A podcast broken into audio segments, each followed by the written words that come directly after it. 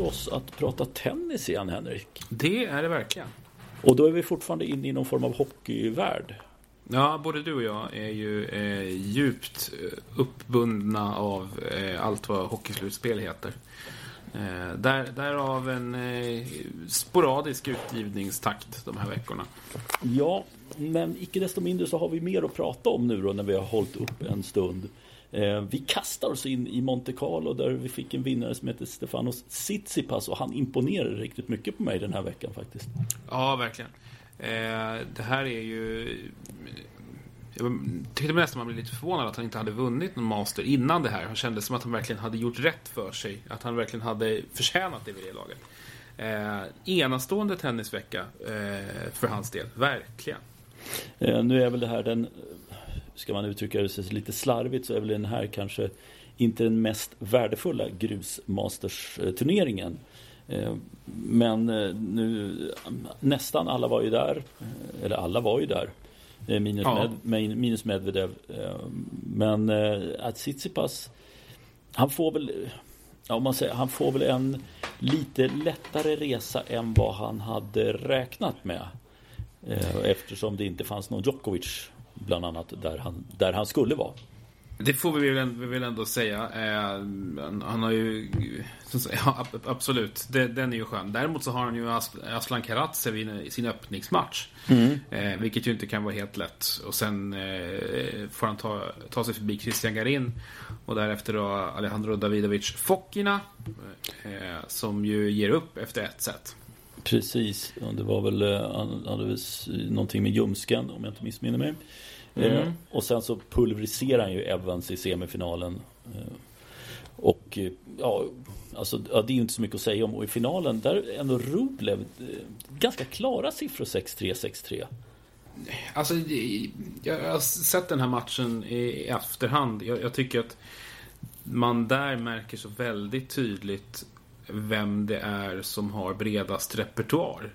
Mm vi gillar ju Rublev och har ju hyllat honom väldigt. Han har ju blivit en vinstmaskin av Guds nåde. Men han är ju samtidigt lite grann en, en one-trick pony. Mm. Eh, Vilket vi också ju... har påpekat ett antal gånger. Ja, ja precis. Han, kan, han gör sin grej och han gör den jättebra. Men mot en spelare som har ett sånt oerhört brett register som Stefano Tsitsipas, då, då är det i stort sett omöjligt att vinna. Då, då ska han liksom spela sin eh, ganska repetitiva tennis liksom till, in till perfektion. Eh, men Tsitsipas är alldeles för bra för att han ska ja. eh, förlora den finalen. Ja, ja i, i, den, i det sammanhanget. Samtidigt så kan jag tycka att Tsitsipas har, han har repertoaren men han har inte alltid skallen att få ihop alltihopa på rätt sätt hela tiden. Så därav så det kändes som att liksom, han var jävligt stark i huvudet också Tsitsipas den här veckan. Verkligen.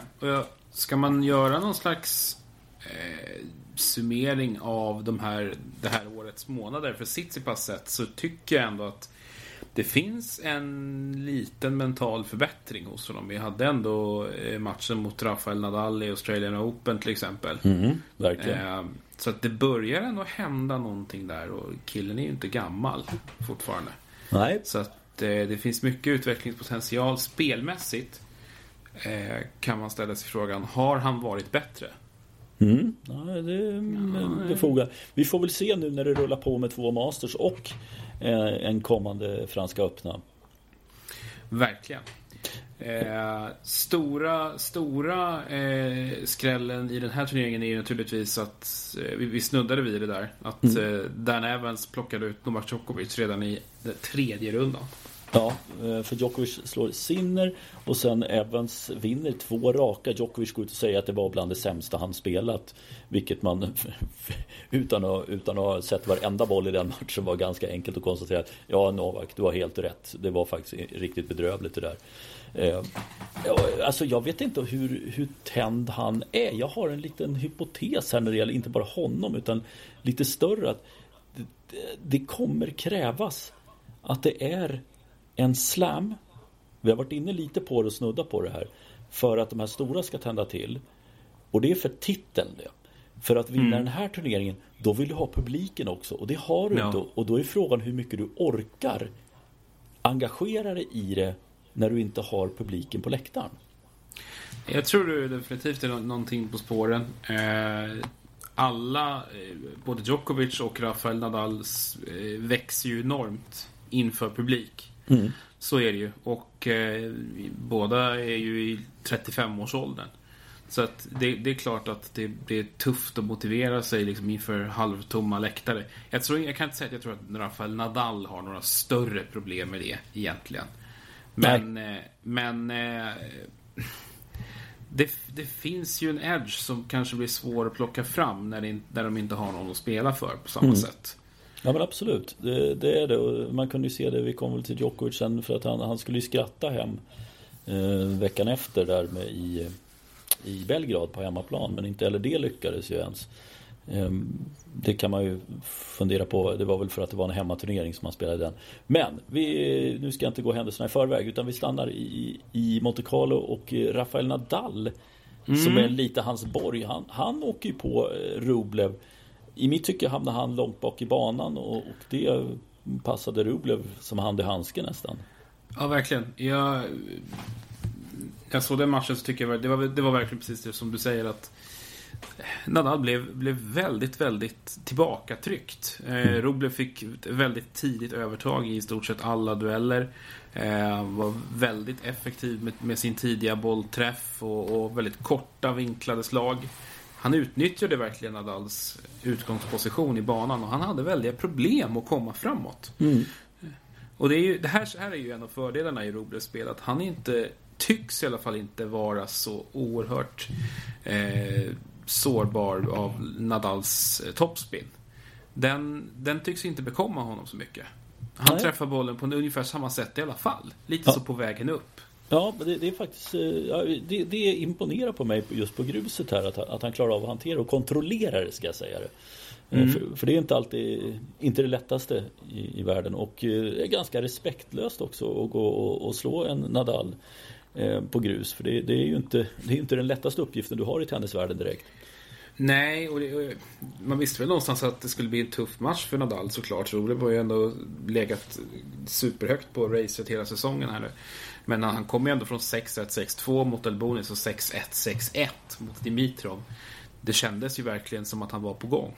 Men där, där ska man nästan säga så här. Delbonis och Dimitrov, de vet ju att Nadal är omöjlig på grus. Mm. Rublev har inte det. Han Nej. har inte det, det historiska bagaget med sig. Nej, det är väl lite så. Och det, det verkar inte som att han bryr sig så mycket om motståndet på, på gott och ont.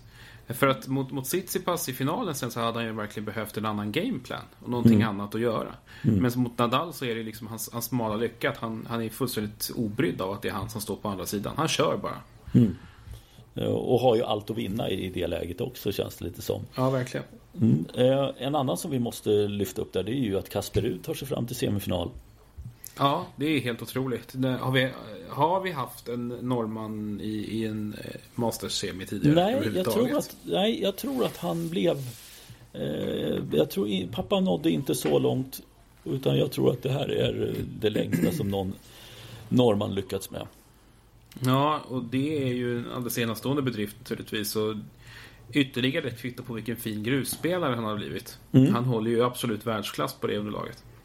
Verkligen, verkligen. Eh, kul. Eh, något mer som man ska notera härifrån? Jag vet inte det.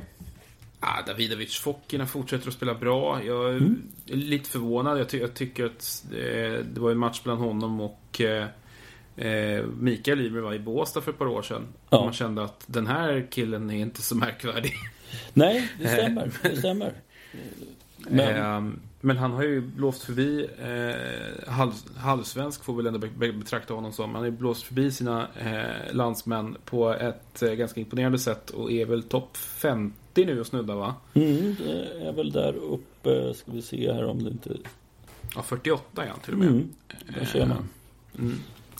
Så att, eh, det har varit en imponerande resa av honom. Eh, jag har sett honom för lite egentligen för att kunna säga någonting om vad det beror på. Men, men det måste ha skett en ordentlig uppryckning sen, sen han först kom fram på touren. För då måste jag säga att jag tyckte inte att det såg så väldigt märkvärdigt ut. Nej, nej, men, och det, nej det, det jag har sett honom det är inte så himla märkvärdigt nu också. Men han är säkrare. Han, han, är stabilare. Det kan man komma långt på. Det kan man komma långt på. Uh, uppenbarligen topp 50 uh, just nu i alla fall. Ja. Eh, ska vi swisha till veckan därefter? Det var Belgrad som jag var inne på lite grann. Eh, mm. Berrettini får, eh, som vi har trott, ska dyka ner på rankingen. Ja, nu får han ju hålla upp nu med 250 friska pinnar, slå Karatsev i finalen. Karatsev slår ut Djokovic i en riktig maratonmatch. Det är, ja, det är ju definitivt årets bästa tresättare, får mm. vi ju säga. Eh, och den är ju där och, och tävlar om och kallas årets bästa match nästan. Det var en riktig omgång och den, den där ville inte Djokovic förlora. Nej, det ville han inte. inte. Nej.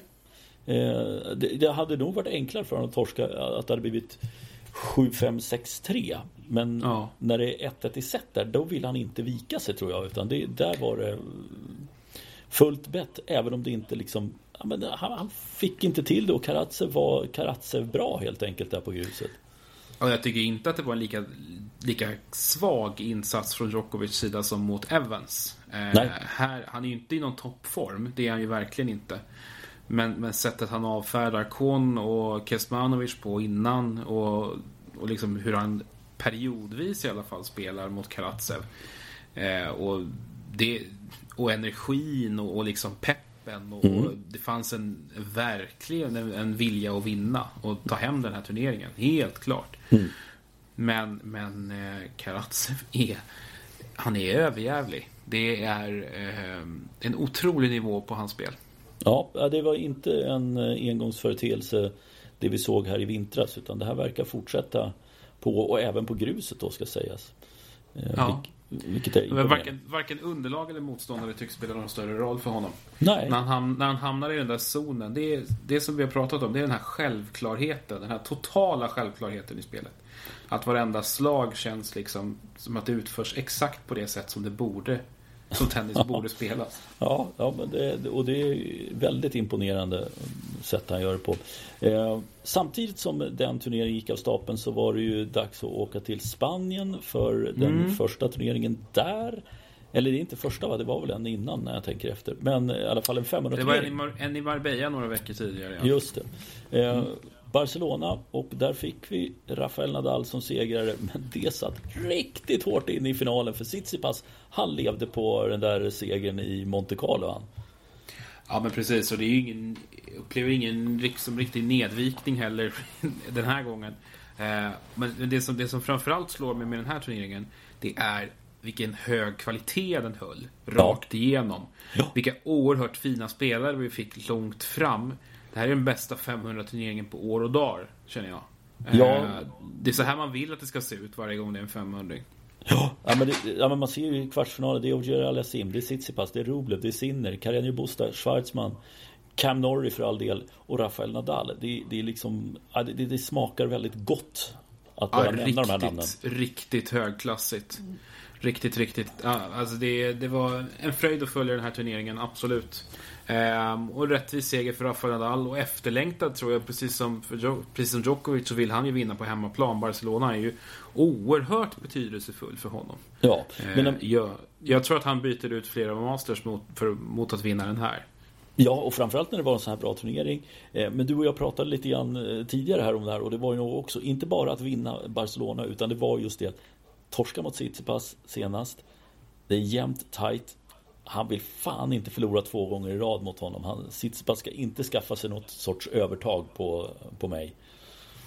Nej, precis. Och framförallt inte på grus. Eh, när, eh, att, att, han, vill, han vill inte... Jag tror, jag, tror, jag tror inte han ville ha en förlust till på det underlaget helt enkelt. Nej. Vi hade ändå Rublev i Monte Carlo veckan innan.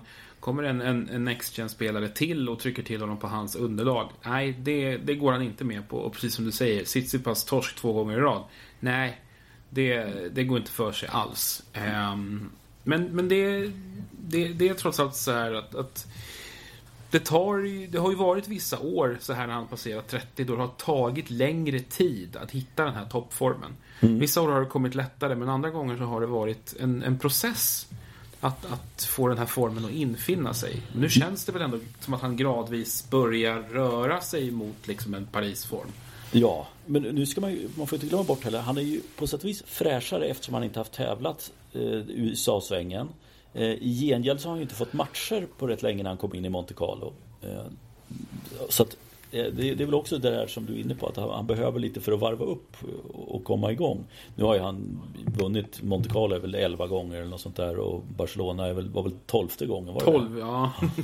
Helt sanslöst. Helt otroligt. Så att det, han har ju någonting där men det, det kommer bli väldigt intressant att se honom de närmsta två Masters-turneringarna som kommer upp här nu i, i Madrid och i Rom. Eh, jag tror inte han vinner båda, det tror jag inte han gör. Nej, det tror inte jag heller. Det, det, är intressant för att det finns ju någonting... Eh, jag, jag tror att han slits mellan liksom logik och sin eh, okuliga vilja att vinna. Han vill ju vinna varje turnering. Mm. Samtidigt så, så vet han ju, är han ju väldigt medveten om liksom sin begräns, numera begränsade fysik och att han, inte kom, att han inte orkar vara på topp jämt. Mm. Eh, och jag tror att de där kanske clashar lite grann emellan och att det är nog inte alltid helt lätt för honom att, att, att, att behöva in, inte ta ett beslut att inte vinna men, men att kanske liksom koncentrera sin energi lite till vissa turneringar som han nu måste göra. Så att det blir jätteintressant att se honom här nu i i Madrid och Rom och se vad han är, är, är kapabel till och vad han, vad han kan pressa sin kropp till. Precis. Eh, vi flyttar oss till förra veckans spel då. Vi flyttar oss till Tyskland en snabb sväng. Eh, där vi fick eh, en kille som tar sin andra seger för året. En kontroversiell herre vid namn Nikolos Basilashvili. Som slår Jan-Lennart Struff i finalen. Ja, jag vet inte om det är så mycket att säga mer än att Alexander Zverev torskar mot Ivarska. Den, det är väl belarusiske spelaren va? Ja, ytterligare en sån här obegriplig förlust som Zverev kan åka på ibland. Mm. Ehm, jag, har inte, jag har inte sett matchen själv så jag kan inte säga så mycket om den. Men det är ju såklart en match som han ska vinna oavsett förutsättningar nästan. Ivarska kvalade ju, nu är en ganska begränsad spelare i sammanhanget. Ja, jag, jag, såg honom faktiskt i Miami och gjorde en match med honom där vilket han, han imponerade på mig för jag hade inte så bra koll på honom. Jag har sett lite korta svängar men inte sett honom så pass mycket. Så där, där, gjorde han en ganska bra eh, match som jag gjorde. Men att göra en, en bra match och sen slå en Zverev på hemmaplan i Tyskland det är en viss skillnad på det också. Eh, men det är klart att den turneringen också för Ivarska så ger det så oerhört mycket mer att vinna den matchen än vad det gör för Alexander Zverev. Verkligen. Semifinal för honom är ju liksom eh, nästan en, en biljett in på ATP-touren. Ja. Eh, och, och, på betydligt säkrare mark. Eh, det är ju det i de här turneringarna med sämre startfält som man måste slå till liksom om man kommer, kommer ur hans läge. Eh, och Basilashvili som vi ska säga, han har ju blivit oerhört bra på att... Han har ju blivit bra på att vinna, inte, vi ska inte kalla det för skräpturneringar, men, men på pappret sämre turneringar. Ja. Eh, eh, har, har, ju ett antal 250 bakom sig och även några, ja, några 500 Tre 500 Ja, det är helt sjukt faktiskt. Eh, det är ju Martin Klisan Ja, Klass. verkligen. Ja. Ehm, eh, men bara liksom lekte med tanken. Han, han har trots allt fem turneringar och både du och jag har ju tyckt att han varit totalt överrankad och inte alls liksom varit, hållit den topp 20-klass där han har varit rankad. Eh, men nu står han här ändå på fem, fem titlar. Ja, det är, eh. det, är, det är ju, han är ju snart uppe och tangerar Berdych eh, titlar höll jag på att säga. Men det, det, ja, det, det, är jävligt konstigt faktiskt att, att uh, se honom där uppe. Han, han, har ju verkligen tagit tillvara på de möjligheterna och sen nu att han Vi sa ju lite när han vann Doha att ja men nu har han vunnit sin turnering, nu kan han leva på det hela säsongen. Men här har han ju faktiskt fortsatt att spela bra. Det har han verkligen gjort. Så, att, eh, ja, det, det, är väl det, det verkar, han verkar sporras av att ha problem på utsidan. För nu är han ju i fade med någon någon kille som var med och finansierade hans tidiga karriär som vill ha en del av hans prispengar också. Ehm, får vi se, får vi se var det landar någonstans. Ehm, men eh, vi skiter i den och flyttar till Portugal istället. Ja, Portugal är alltid trevligt. Mm. Eh, även om startfältet i årets upplaga kanske inte var det bästa någonsin. Dennis Chapovalov kom in som affischnamn. Han åker ut i andra rundan. Ja, tack och hej. Första matchen. Eh, Moté är ju i och för sig en rätt spännande spelare från eh, Frankrike vänsterhänt han också för den delen. Eh, ja, ja jag vet inte liksom. Nej, han är affischnamn. Han lyckas inte. Jag rycker på axlarna och går vidare. Lite så känner jag. Ja, lite grann så. Det är, det är trots allt en turnering som jag tror inte tror betyder särskilt mycket för eh, Chapovalov heller. Utan det är väl framförallt eh, den eh, startpeng som Ja. han fick där. Ja. Eh, så vi utgår från att han fick. Som Ja. betyder någonting. Det var väl ett sent, wi- sent wildcard. Jag, tror, jag kommer inte ihåg. Jag tror att det var någon som drog sig ur den här turneringen också. Det kan ha varit typ Tsitsipas eller något sånt där. Så de behövde ett affischnamn. Och det är kvickt. Och då kan jag tänka mig att Chapovalov stod där och eh, stod med stora liksom, pengasäcken och bara fick de fylla på med så mycket de kunde. Eh, Men sen så, ja vad ska vi säga, det är den tidigare Båstad-vinnaren Albert Ramos Vinolas som går och vinner. Ja, det, det är ju inte den mest spännande spelaren på touren men han har också vunnit lite matcher här under säsongen och Ja, men han kändes ju verkligen alltså, så sent som ja, typ i fjol som en spelare som absolut var på väg ut från eh, touren. Eh, Ja. Efter, några riktigt, eh, efter ett riktigt blekt 2020. Jag tror han blev Eh. pappa också under 2020 om jag inte missminner mig. Ja, okej. Ja, men han, har ju, han har ju oavsett vad en, en eh, väldigt fin förmåga att studsa tillbaka i sin karriär. Ehm, nu är det ju faktiskt, vad blir det? Det är andra, andra finalen här under 2021. Han var ju faktiskt i final i Cordoba i Argentina. Just det, den förlorade mot den här argentinaren, Serundolo va? Serundolo. Ja. Vi har inte hört mycket om Serundolo sedan dess. Nej, jag undrar om han eh, lever på det och turnerar runt i Sydamerika istället. Eh, Ja. Tredje titeln i alla fall. Han har några upp till Vasilashvili. Han jobbar sig närmare, eller de håller jämna steg då. Han- Tre och fem. Ja, får se vem som eh, kan vara stoltast efter att eh, karriären har tagit slut. Eh, Vi ska väl säga det också att det var en sällsynt bra insats också från Marin Cilic som vi inte Ja. har haft mycket att glädjas åt sista tiden. nej, semifinalplats. Ja, han når en semifinal mot en återigen bra spelande Cameron Norrie. Ja. Så att eh, det, det får väl han vara nöjd med. Det har inte funnits supermycket att glädjas åt för hans del sista tiden. Nej, det är fortfarande, det svänger fortfarande väldigt upp och ner. Vi gjorde det även i Estoril, men han höll ihop det i alla fall tillräckligt bra i matcherna för att ta sig så långt. Eh, ska vi ta oss an eh, ett Madrid här som, som är på tapeten? Det har redan Precis. inletts när vi spelar in det här till och med. Ja, det har väl spelats en eller två matcher va? Ja, jag tror, ja, Något. tre Par- till par- tre stycken. Fyra, Tre. fyra, matcher. fem, Fyra. fyra, fyra matcher. Ja. Eh, Eh, ingen Djokovic vilket- ska vi säga. Nej, den har han valt att stå över. Eh, jag vet inte om det är så att eh, Belgrad-fiaskot fortfarande förföljer honom. Men han är inte här i alla fall. Nej, istället har vi fått en annan spelare som har haft en del problem och talat ut en del om det också. Dominic Thiem. Eh, som eh, har haft motivationsproblem och ja, men tappat sig själv lite grann efter eh, Grand Slam-segern har han ju uttalat lite grann. Ja, väldigt öppen och, och eh, tydlig med de, de problem som han, har, som han har haft efter den där titeln. Och jag tror inte han är ensam i att ha jagat ett mål så otroligt länge och sen lyckas förverkliga det efter så här många år. Att, att det infinner sig en viss form av tomhet. Och sen hjälper väl inte det här pandemisituationen direkt. Nej, nej, men där har du också en sån grej liksom att du kanske kan leva vidare på att du har publik, du liksom rycks med i allting här. Ja. Mm, nej, det, det är tufft. Det ska bli väldigt intressant att se vad han står för. Att han brukar ju vara en av de utmanarna till Franska öppna. Men just nu känns det ju väldigt tveksamt om det är han som är utmanare nummer ett. Nej, det, det tycker inte jag. Eh, det är oerhört svårt att veta var han står överhuvudtaget eftersom att han inte har spelat på så länge nu. Nej. Men, men det, han har ju också varit lite grann en sån kille som har behövt spela lite i form. Mm. Och att, att det känns som att tiden är lite för knapp. Du har Madrid, du har Rom. Eh, och sen är det inte så mycket kvar innan, innan det är dags för Paris. Så att eh, han känns inte som någon huvudsaklig utmanare just nu. Om det finns någon som utman som är en... Det vill säga den som är närmast Djokovic och Nadal. Det är väl Tsitsipas nu egentligen. Mm. Ja, det, så, så känns formkurvan just nu i alla fall. Mm, men det är mycket, mycket, mycket återstår ändå innan, innan vi är där. Det gör det. Och, om man tittar till där och så Nadal han, han kommer gå på en Zverev i kvartsfinal. Och- ja, och han, och han kan ju framförallt gå mot en eh, kille som har pekat ut som eh, Spaniens stora Mm. framtidshopp, Carlos Alcaraz. En matchup som skulle bli väldigt spännande att se tycker jag. Mm, där tror jag det är nog en bit kvar upp till läromästaren Det där för Alcaraz. Absolut. Eh, Och där är frågan är om man Det känns ju nästan så här Okej, hur ska han vara där? Ska han vara skoningslös? och släppa två game. Eller kommer han vara schysst? Jag vet inte om Nadal kan vara schysst eh, på en bana.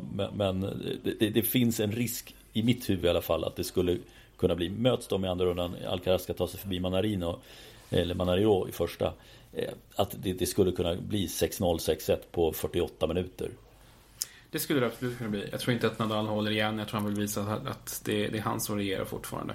Mm. Men det är annars väldigt mycket bra spelare på den här, på den här delen av lottningen. Alltså väldigt, väldigt trångt med bra folk. Mm. På Nadals eh, tårtbit i en eventuell tredje runda så har du Jannik Sinner. Mm. Eh, var det även Struff då, som var i final i München häromveckan. Eh, på den nedre delen av samma eh, lottningsdel så har du ju Hubert Hurkacz. Mm. Du har eh, Daniel Evans som ju slog, slog Djokovic i Monte Carlo. Du har Karen Katchanov, ja. Kei Nishikori och Alexander Zverev. Mycket, mycket bra folk där alltså. Mm. Frågan om de kommer få kämpa, fäktas för mycket med varandra innan de når till en kvartsfinal där Nadal står. Mycket möjligt. Nej, men Nadal, Nadal får gälla som favorit men eh, Zverev eh, får nog passa sig. Mm. Eh, det, det, tror jag ändå. Det finns gott om potentiella utmanare för hans del. Dominic Thiem och eh, Andrei Rublev i nästa del där. Och Ja, men alltså Thiem, jag har svårt att se att han förlorar mot Andochar eller Giron i, Där Dimitrov känns också rätt svajig.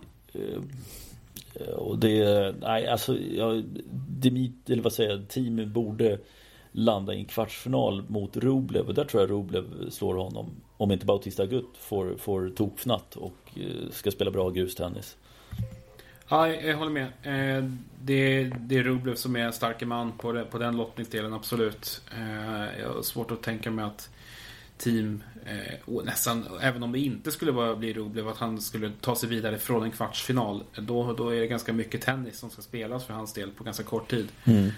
Så här direkt i comebacken och det tror jag inte han klarar. Så att, nej, Rublev, Rublev framåt mot en semi där, absolut. Eh, neråt av Diego Schwartzman. På nedre halvan då Schwartzman, Chapovalov nu. Eh, och det är Tsitsipas där och det är väl bara att säga att eh, Schwartzman har inte sett så jättebra ut den här eh, våren tycker jag. Eh, han har ju fortfarande, fortfarande Australian Open där i någorlunda färskt minne där han eh, hängde stundtals ganska löst mot eh, Elias Ymer. Mm. Eh, han är på 17 åttonde plats på racet. Lite i underkant mot vad vi är vana att se honom. Det har ändå blivit en del grusmatcher. Och överlag inte den här stabiliteten som han har gjort sig så känd för. Nej. Eh, och verkligen komma till jobbet dag efter dag. Ehm, och han kan ju råka på Karatsev i, i sin öppningsmatch och i den form Karatsev är nu, då tar han Schwarzman. Det gör han nog faktiskt. Det gör han nog. Ehm, eh, om, vi, om vi leker med tanken att Karatsev tar sig vidare där Karatsev skulle kunna ta sig till en kvartsfinal och möta en Tsitsipas. Tsitsipas skulle kunna gå på Basrafili i andra rundan, Kasper Rud eller Ogier Aliasim i tredje. Men Tsitsipas, nej men nu, nu, är han bra om man inte gör en riktigt platt turnering, vilket jag inte tror att han kommer göra. Eh, Karatsev Tsitsipas. Ja.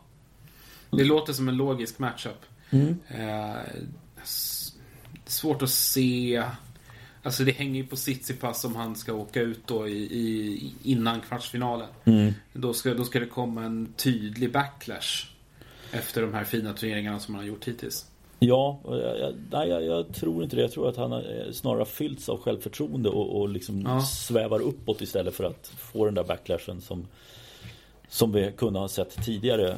Utan nej, men jag, jag tror fan med Tsitsipas kan stå i en semifinal. Ja, jag, jag, jag, ja, jag vet inte. Jag gillar ju oerhört svag för Karatsev.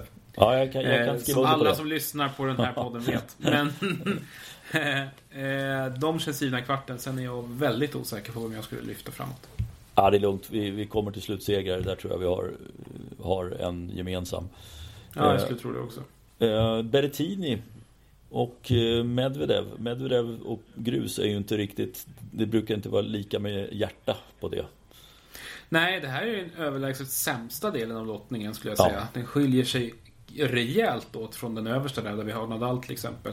Ja. Eh, Berrettini fick ju lite luft under vingarna här och, och gick ju fram till en ATP-final. Men annars så känns det som att Ja, vi, vi pratar om Basilashvili som överrankar. Jag tycker Berrettini är konsekvent i en överrankad spelare. Han har dragit väldigt stor nytta av, av eh, golfrankingen så som den är nu. Ja. Att han håller, håller sig kvar där uppe i, top, i trakterna kring topp 10 som jag inte tycker att han är. Överhuvudtaget. Nej, och som det- sagt, Medvedev tycker inte om grus. Nej, och det, det är ju faktiskt inte på, på Medvedevs del så kan det bli en riktig skräll fram på en kvartsfinal. Vi har eh, Davidovic, Fokina, Herbert, Opelka, Köpfer, Verdasco och Garin. Det skulle kunna bli Mm. en Christian Garin som står i kvartsfinal eller en Davidovic, Fok- Fokina. Ja men, ja, men det är, ja, det är Carriani Busta. Fognini blir ju intressant. Berrettini, Fognini i en andra runda också. Mm. Så att, eh, ja det, det är eh, vem som är tupp i hönsgården i Italien, det får vi se lite senare här då. Men en Carriani Busta, Davidovic Fokina i en kvartsfinal, då tror jag Carriani Busta går till semifinal. Det tror jag också. Han har varit där förut och eh, han brukar göra det bra när han kommer fram på det viset. Eh, men, Eh, vi, ska, vi ska också nämna att vi har Fernando Verdasco i lottningen. Eh, Ja. Hans blott andra insats det här året. ja, har väl också blivit pappa om jag inte missminner mig. Ja, och visst börjar man väl känna att nu är vi inne på slutvarvet va? Ja, det känns lite så för att det, det, det måste till något riktigt lite Lopez-aktigt för att, för att förlänga karriären. Ja, han känns inte riktigt lika lätt i steget som Lopez ändå. Nej, det gör han inte. Det är, en korrekt eh, analys tycker jag också. Så att det, nej, det, det kan nog vara sista varvet eh, för Verdasco. Det kanske blir att, lägga ner efter den här säsongen. Jag skulle inte bli förvånad om det kommer något sånt besked här nu ganska snart. Eh, han, har ju, han har ju ändå varit med ett bra tag. Det är, Oh ja. det är ren, han är häpnadsväckande när man tänker på hur länge han, länge han har hängt i. Han fyller alltså 38 Mm. i år. Ehm, och, och har ju en karriär som spänner över snart två decennier. Mm. Eh, Och inte heller varit så här jätteskadedrabbad heller. Han har klarat sig ganska bra. Om jag inte är helt ute och cyklar. Ja, nej, utan hans, hans stora fiende har ju, har ju snarare varit liksom ojämnheten i hans spel. Mm. Ehm, men det har ju varit stundtals i alla fall en, en ren fröjd att se honom spela tennis. 2009, semifinalen Australian Open Oj, ja. eh, mot Rafael Nadal. Det håller jag fortfarande som en av de absolut bästa tennismatcherna överhuvudtaget. Eh, den var magisk. Nu pratar vi som att han faktiskt har lagt av. Det har han Det har han gjort inte, det har inte gjort än. Men Eh, vi tror verkligen att det kommer snart. Ja, det gör vi. I alla fall Eh, jag. Ja, men jag, jag är helt med dig på det. Jag har svårt att se att han ska kunna. Det, det är som sagt, om man gör en Lopez då kanske han förlänger säsongen eller förlänger ett år till om man skulle lyckas gå och vinna en turnering här. Vilket jag inte kan se hända. I ärlighetens namn. Eh, Nej, då ska han ha en rejäl kudde med poäng. Eh, som ska liksom bära honom vidare. Ja. Men eh, jag tror inte han har det i sig längre. Jag, tyvärr alltså. Mm. Ja, jag, jag är med dig. Tiden går. En annan, eller rättare sagt om vi bara sätter en slutsegrare. Vi hade ungefär till semifinal. Rafael Nadal vinner i Madrid. Ja, det måste han nästan göra. Det finns igen, i mitt tycke bara en, en, eh, ett par riktiga utmanare. Det är Tsitsipas och... Nej, jag vet inte om det är någon annan som skulle kunna slå Nadal egentligen. Eh, I den... I, I de här sammanhangen just nu. Ja, i, ja, med det startfält vi har här. Eh, nej, det, det råder en väldig brist på utmanare. Ja men det gör ju det faktiskt. Eh, du, vi har väl några andra grejer att avhandla här. Eh, vi, vi, var vi är inne på Masters. Vi kan ju faktiskt ta därför att det, det dök upp någonting lite i flödet här. att eh, de börjar mumla någonting om att en Masters på gräs. Och det kan vi väl skriva under på att det vore en jävligt trevlig tillställning om man fick ihop det. Det tycker jag absolut. Eh, grässäsongen blev ju i år också kortare i och med att eh, Franska öppna flyttades fram en vecka. Eh, Ehm, och en redan kort säsong har blivit ännu kortare. Jag är av den åsikten att en master skulle ju... Det skulle lyfta grässäsongen ganska ordentligt. Ja, eh, det skulle det göra. Det, det, det som är svårare med det är ju egentligen att hitta en plats för en mastersturnering. I och med att du har två starka turneringar i Queens och du har Halle. Som brukar gå samma vecka eh, och då, de delar ju på toppspelarna helt enkelt. Det är där de är och det är där de gör sin eh, uppvärmning inför Wimbledon. Ja, det, alltså det är nästan så här som man gör en sån här Montreal-Toronto. Att ja, men vartannat år London, vartannat år i Halle. Nu är problemet att eh, i, i Queens så har de inte publikkapaciteten egentligen för att ha en Masters. Eh, på den klubben. Halle Och de är väl hyfsat konservativa där också. De bygger inte om i onödan va? Nej men det gör man inte gärna. Inte, inte på en sån fin klubb.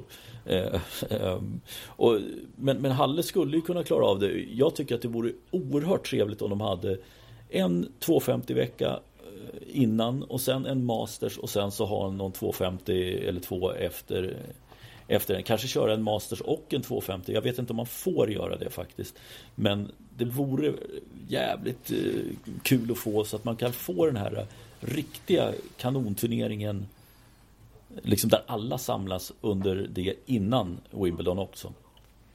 Ja, alltså för, för grästennis så som det är nu är, är ju liksom Det är mer en, en kuriositet. Alltså det, det, är, det är ju liksom som en liten parentes i tennissäsongen. Mm. För att den är så kort och det är ju inget underlag som man spelar på vanligt, vanligtvis. Eh, det, det, är ju inte så tennis idag ser ut utan det är ju en rest av det förgångna. Verkligen. Det är ju, det är ju lite som, men det är som att jämföra med Monacos Grand Prix. Typ. Ja. Verkligen. Du skulle aldrig köra eh, Formel 1 på en sån bana idag om du inte hade gjort det av liksom rent traditionella skäl. Eh, och, och, det är lite, lite så grästennis funkar. Så därför tycker jag det vore, det vore så himla kul om det nu dök upp en Masters. För att då skulle den här hela säsongen, hela spelet på det här underlaget få ytterligare liksom bäring och betydelse.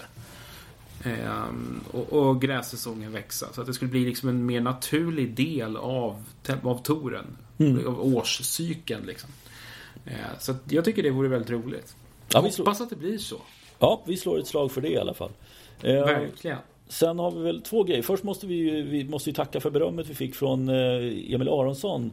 Som tillsammans med sin kompis Park i podden Mer kul med, med Aronsson och Park gav oss en, en liten hommage och det får vi väl tacka och bocka för. Det är inte ofta vi, vi får det höll jag på att säga. Det har väl hänt. Men, men, men eh, Någon gång har det väl hänt. Men, ja, men det, det, hör inte till vanligheterna så mycket kan vi säga.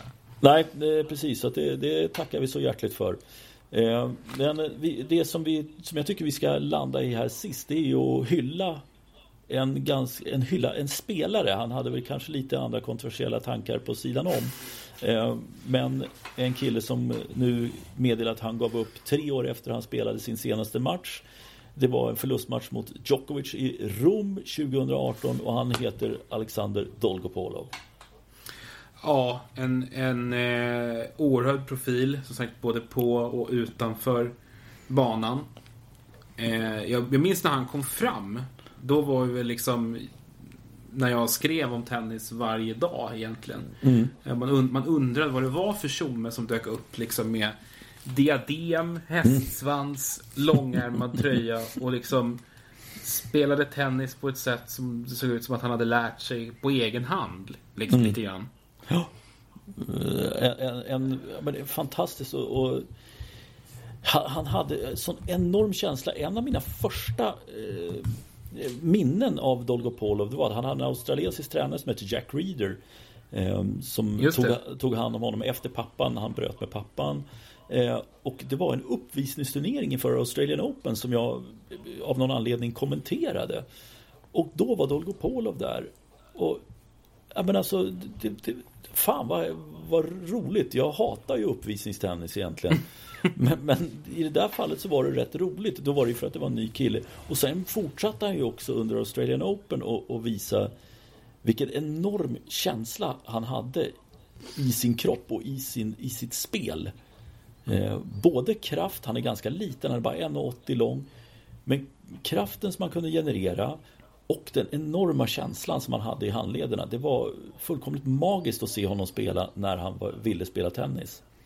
Ja, verkligen. Eh, precis som du säger, den här touchen är otrolig. Och sen hur han eh, kunde få sån otrolig fart på bollen. Mm. Han svingar ju oerhört kort och mm. liksom hackigt på både forehand och backhandsida men var ändå otroligt skicklig på att få fart på bollen. Eh, och sen de här oerhört fina stoppbollarna. Eh, nej, det, det, var, när han var på spelhumör så var det ju verkligen en, en fröjd att se honom. Jag minns ju också det här genombrottet 2011. Han slog väl ut Robin Södling ur Australian Open då. Det stämmer. Mm. Eh, och han, jag tror att han, han stökade av Bernard Tomic där i, i en match inför. Eh, eller förlåt, det var 2012 så slog han ut Bernard Tomic i, i, i Australian Open. Han hade verkligen sina, sina, bästa, sina bästa turneringar down under. Och gjorde ett antal helt sjuka matcher. Men framförallt just 2011. Då var han, och då var det verkligen som att ingen riktigt begrep sig på honom och vad man skulle göra för att besegra honom heller. Nej. Eh, eh, nej, när han, när han var bra, då var han helt otroligt bra. Eh, han, har ju, han har ju också en masterstitel, en dubbeltitel. Ja, och det är ju underbart vem han spelar med också. Ja. Xavier. Ja, ja, alltså det är helt otroligt vilken, vilken duo. Ja. Och sen vilka de slår också. Roger Federer och Stan Wawrinka i. Indian Wells. Ja, den, det är nästan som man måste börja gå in och Youtube och leta upp och se om det finns några bilder från det där. För det är ju ja, det är riktigt häftigt alltså. Ja. Nej, det... Nej, jag, jag hade... Jag, just, jag, vet inte, jag vet inte hur, hur... Jag är väldigt dålig på att följa dubbeltouren överlag, men, men just de där åren brukade det vara extremt stjärnspäckat i dubbelturneringarna också. Ja. I, I Miami och Indian Wells. Man kan ju säga det att, att förutom alla ordinarie dubbelstjärnor så var ju också liksom namn som um, Feliciano Lopez parade ihop sig med Milos Raonic, Berdych med Tipsarevic, uh, Andy Murray spelade med sin bror. Eh, Djokovic var med, han spelade med Viktor Trojtski. Det var liksom inte Kreti och Pleti som lirade den turneringen heller. Och då går Malis och Dolgopolov och, och sopar hem den. Ja, men det, det, det stämmer. Nadal det... spelade med Mark Lopez också. Så att ja, det var... Ja, ja, nej. Ja, men det, det var ett par, säg fem, sju år. Ja. Som var, jag, jag undrar om det var i början av det här när de införde Championship Tiebreak i avgörande set. Mm. Jag undrar om det var då de spelade lite grann eh, faktiskt, de här stjärnorna. Ja, det, här var ju, det här var ju ett sånt år i alla fall. Ja. Eh, så att, nej, det, det, var det var tidigare. Han hann med att vinna tre singeltitlar i alla fall. Eh, inte lika många som Basilashvili. Inte riktigt, men lika många som Ramos Vinolas. Mm. Eh, och sen så, faktiskt lite bortglömt, han var även finalist i David Ferrers sista ATP-final. I Båstad? Ja, 2017. Mm. Så var han faktiskt där framme och nosade på att ta en titel i Sverige också. Eh, men, äh, men man får väl lov att säga att det, det, han, han har varit saknad tycker jag. Nu, nu har det gått så länge sedan han spelade, det är tre år sedan. Men när han var som bäst så var han en väldigt underhållande spelare som kunde sälja sporten till fler än dig och mig. Verkligen. Ja, men han, var, han var helt klart sevärd och han hade en extrem högsta nivå. Eh, det kommer nog ordna sig för honom också även utan tennisen. Han har ju andra hobbys i livet. Han har ju något inredningsföretag. Eh, som han håller på med. Det är inte min stil, om vi säger så. Men, men eh, eh han kör på med det och så har han ju sitt savanndjur också. Eh, ni som inte vet om det, alltså Alexander Dolgopol har alltså ett, Han har alltså en, en, en serval. En, en, en, en slags en, en, slags vild katt. Som, som inte är helt domesticerad. Som jag har sett på, på, hans Instagram faktiskt gör honom ganska illa ibland också. Men så att han har, han har ett vilddjur hemma. Eh, som han tar hand om. Ja, det, så han har att göra. Ja, han har att göra. Eh, följ honom på Instagram för... Stark profil. Ja, för, ja följ honom på Instagram. Snälla, gör det. ja, det är väl... Det är en underbar spelare och nu nämnde du faktiskt ett namn också som här i veckan tror jag kom också och berättade att han, att han skulle sluta. Det behöver vi inte göra någon större grej av. Även om han var uppe, var väl runt topp 10, Viktor Trojtski. Ja, det hade jag faktiskt till och med missat. ja, du, du ser. Det, det var lite i skymundan. Han har ju ändå försökt sig på att spela lite grann här, men det har ju inte lyckats. Eh, så att, eh, men även Trojtski, så att eh, en liten hommage till honom också för eh, förtjänstfullt arbete under de år han har lyckats eh, hanka sig runt helt enkelt. Visst var det Viktor Trojtski som var i spel när det var en bollkalle som sprang in mitt under en poäng i Franska öppna någon gång för 10-12 år sedan? Skulle det faktiskt kunna vara. Jag tror det. det... Jag tror det var Trojtski mot, jag kommer inte ihåg mot vem, men det här var typ någonstans 2010. Trakterna där. Uh -huh. Där, han, där han var som bäst. Han pikade ju faktiskt på 12 plats. Ja. Det är rätt sjukt. Ja, det är ju faktiskt det. det man, man, ja, man glömmer bort de här för att det, det, är så pass länge sedan som de var så bra. Det är tio år sedan då. Tre titlar tog han i karriären. Sen har han haft rätt mycket skadebekymmer också ska sägas. eh, Ja, i, genom åren. Eh, Och, och den sista titeln blev i Sydney för, för fem år sedan. Då han slog eh, Dimitrov i finalen. Eh, Men, eh, nej, men han får se vad han, om han dyker upp på, som coach till någon. Tipsarevic är väl lite åt det hållet. Och, Mm. eh, Men eh, ja, tack Viktor och eh, tack Dolgopolov. Även om Dolgopolovs eh, sociala medier kommer nog kunna leva längre än Trojtskis. Det tror jag med. Ja, ska vi, ska vi dra igen, ner persiennerna? Men där känns det väl lämpligt att sätta punkt. Kan Ja jag det tycka. gör, ja men det gör ju det. Hörrni, Ja. tack för att ni lyssnade. Tack så mycket. Hej då. Hej!